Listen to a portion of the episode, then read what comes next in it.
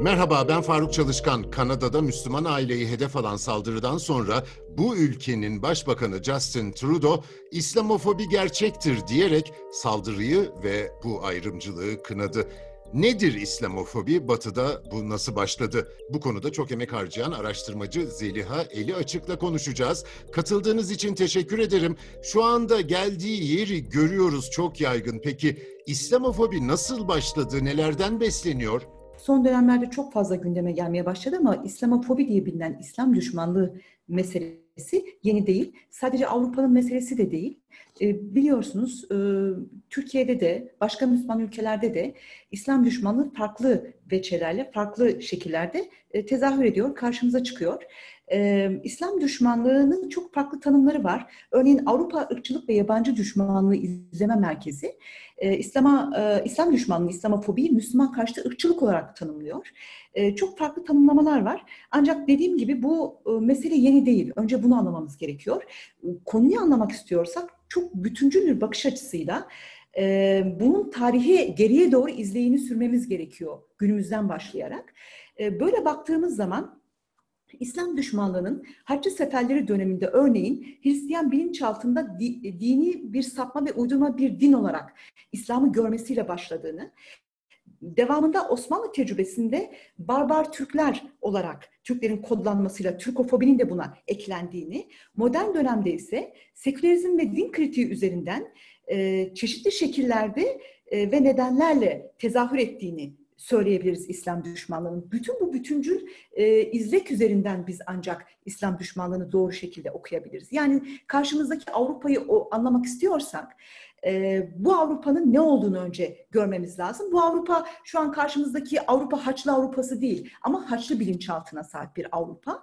E, Hristiyan bilinçaltına sahip bir Avrupa ancak aydınlanmacı bir Avrupa ile karşı karşıyayız. Yani ilahi referansı olan dini referansı olan değerlere yabancı bir Avrupa ile karşı karşıyayız.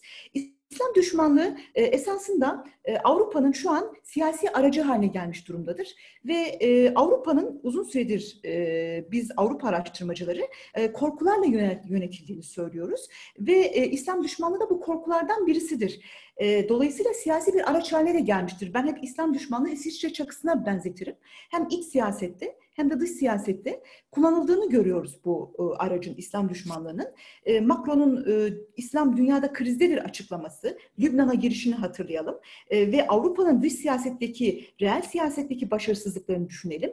Diğer yandan iç siyasette bir iç düşman yaratarak kendi iç siyasetindeki sorunlarını Müslümanlara havale ettiğini düşünelim e, buradaki hükümetlerin. O zaman karşımıza daha net bir resim çıkar ve meseleyi anlayabiliriz. Bakın Avrupa uzun süredir hem ideolojik olarak bir krizde hem ekonomik olarak bir krizde. Aslında dünya, liberal dünya düzeni şu an bir krizde. Bu entelektüeller, filozoflar tarafından tartışılıyor şu an.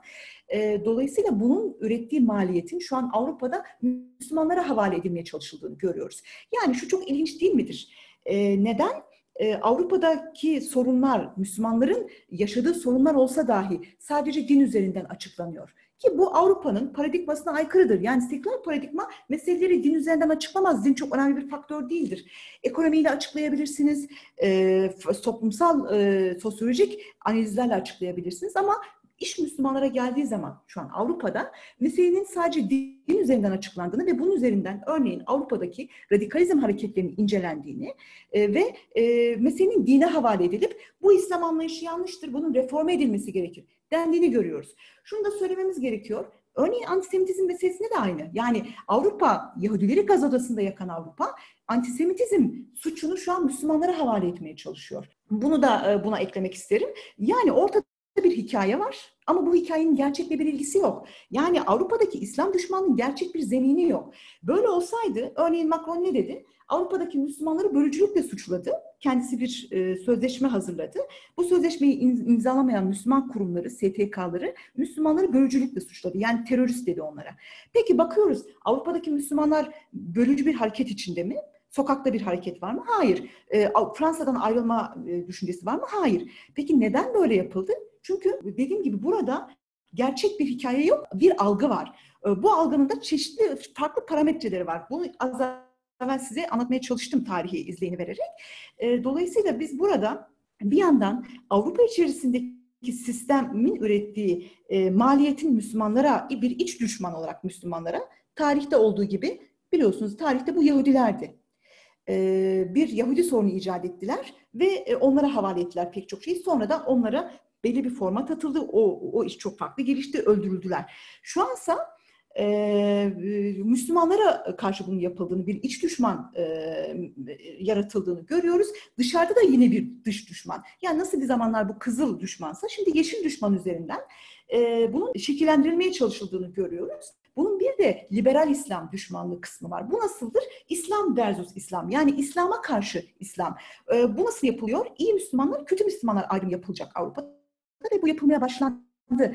Yani Avrupa İslam projesi Avrupa İslamı projesi, Alman İslamı, efendim Hollanda İslamı, Fransız İslamı projeleri bunun yapı taşlarıdır. Müslümanı gelip sokakta bulmak bu işin terör kısmı ve radikal kısmı. Bir de işin yumuşak, liberal kısmı var. Bu da belli bir İslam düşüncesini ki bu protestan İslam'ıdır. Yani tıpkı Hristiyanlığa format attığı gibi Avrupa şu anki batı paradigması Batı derken asla bir coğrafyadan bahsetmiyorum bu arada. Bir paradigmadan bahsediyorum. Tıpkı Hristiyanlığa yaptığı gibi bir format atma derdinde Müslümanlara ve İslam'a.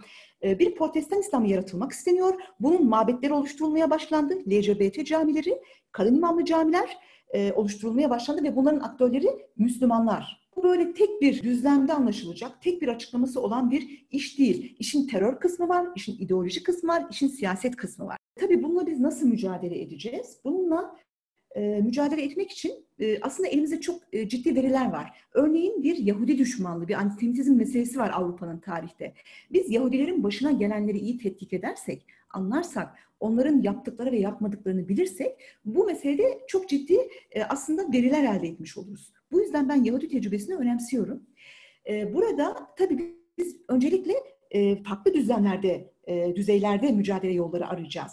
E, bir kere devletin yaptığını akademisyen yapamaz, akademisyenin yeni yaptığını siyasetçi yapamaz, medyanın yaptığını akademisyen yapamaz. Burada bütün bu aktörler birbirine el vererek bir strateji oluşturacaklar. Nasıl ki Avrupa'da İslam düşmanlığı kurumsallaşmışsa, Bakın Alman İçişleri Bakanlığı nezdinde bir İslam Konferansı Daire Başkanlığı kuruldu. Bu işin kurumsallaştığını ve bir devlet siyaseti haline geldiğini gösteriyor. Dolayısıyla yahut e, bakıyorsunuz polis teşkilatı içerisinde e, ya da Alman istihbaratı içerisinde NSU cinayetleri, e, Türk vatandaşlarının öldürüldüğü bir cinayet serisi görüyorsunuz. Burada polis teşkilatı içinde bir yapılanmaya işaret ediliyor yahut istihbaratta. Yani bu iş çok ciddi bir şekilde kurumsallaşmış durumda Avrupa'da. Dolayısıyla biz önce meseleyi anlayacağız. Başta bahsettiğim gibi bunun e, örneğin bir Türk düşmanlığından ayrı tutulamayacağını bileceğiz İslam düşmanlığının. Diğer yandan bunun yeni bir e, mesele olmadığını bileceğiz. Diğer yandan çok güçlü olacağız devlet olarak. Dediğim gibi bakın Yahudilerin en büyük e, eksikliği şuydu tarihte. Gazze dolarında yıkılmaların nedeni de buydu. Bir devletleri yoktu. Bizim şu an Müslümanların bir devleti var, Türklerin bir devleti var. Bu devletin güçlü olması gerekiyor. E, ki Avrupa'daki e, İslam düşmanı siyasetin e, statüsüne bakarsanız oradaki Müslüman grupların Türkiye ile ve köken ülkelerle irtibatı koparmaya çalıştığını görüyoruz. Bu basit bir şey değildir. Oradaki Müslümanlar yalnızlaştırılmaya çalışılıyorlar. Türkiye'siz Türkler Avrupa'da. Ve bu Türkleri istedikleri formata atabilirler, istedikleri gibi araçsallaştırabilirler. Ee, bu nedenle devletin güçlü olması lazım ki devletimiz güçlü ve çok önemli bir avantajımız var şu an Türkiye olarak özellikle 28 Şubat dönemini hatırlayalım.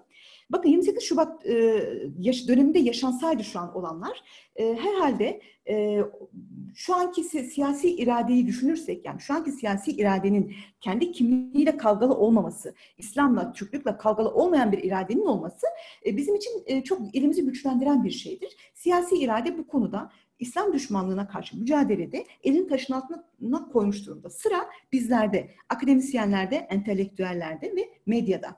E, bu noktada kurumsallaşmamız gerektiğini söyledim. E, nitekim Anadolu Ajansı örneğin bir İslam e, düşmanlığı izlem, izleme birimi kuruyor. Bu önemli bir adım örneğin medya alanında.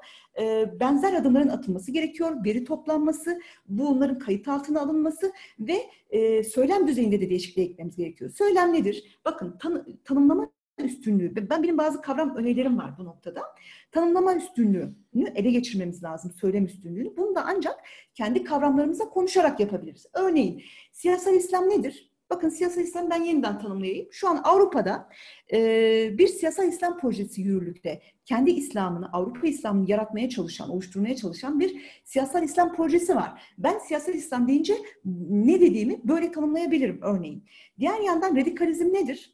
E, efendim e, reform İslam nedir? Bütün bunları ben kendim tanımlarsam ancak ya da İslam düşmanlığı mı diyeceğiz, İslamofobi mi diyeceğiz?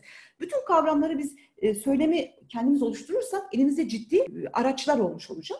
E, diğer yandan da söylem üstünü de, dediğim gibi ele geçireceğiz ve stratejilerimizi oluşturacağız. Örneğin şunu söylemek isterim. Yeni Zelanda e, katliamı olduğunda camiye girip bir e, İslamofobik İslam düşmanı terör eylemi gerçekleştiğinde maalesef Türkiye'de bazı siyasiler dediler ki Müslümanların hiç mi suçu yok? Hayır. Müslümanların hiç suçu yok. Yani şu anlamda diyorum bunu, öz eleştiri yapmayalım anlamda demiyorum. Ancak terörün olduğu yerde, öldürüldüğümüz yerde biz katile e, açıklama yapmayacağız. Biz burada hak talep edeceğiz. Yani Müslümanlar savunmacı dilden e, ya da işte İslam'ı açıklayalım bizi yanlış tanıyorlar. Bu naif düşünceleri bir tarafa bırakarak hak talep eden e, çok e, daha keskin, çok daha ne istediğini bilen bir dile geçmeleri gerekiyor. Bu dil saldırgan olmayacak. Kendi dediğim gibi taleplerini oluşturan ve bunun hak zeminini meşru zeminde arayan bir dil olacak.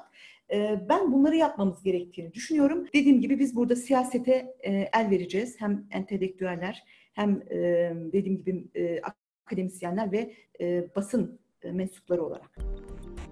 Araştırmacı Zeliha Eli Açık'a teşekkür ederim. Bizi hangi mecrada dinliyorsanız orada abone olmayı unutmayın. Hoşçakalın.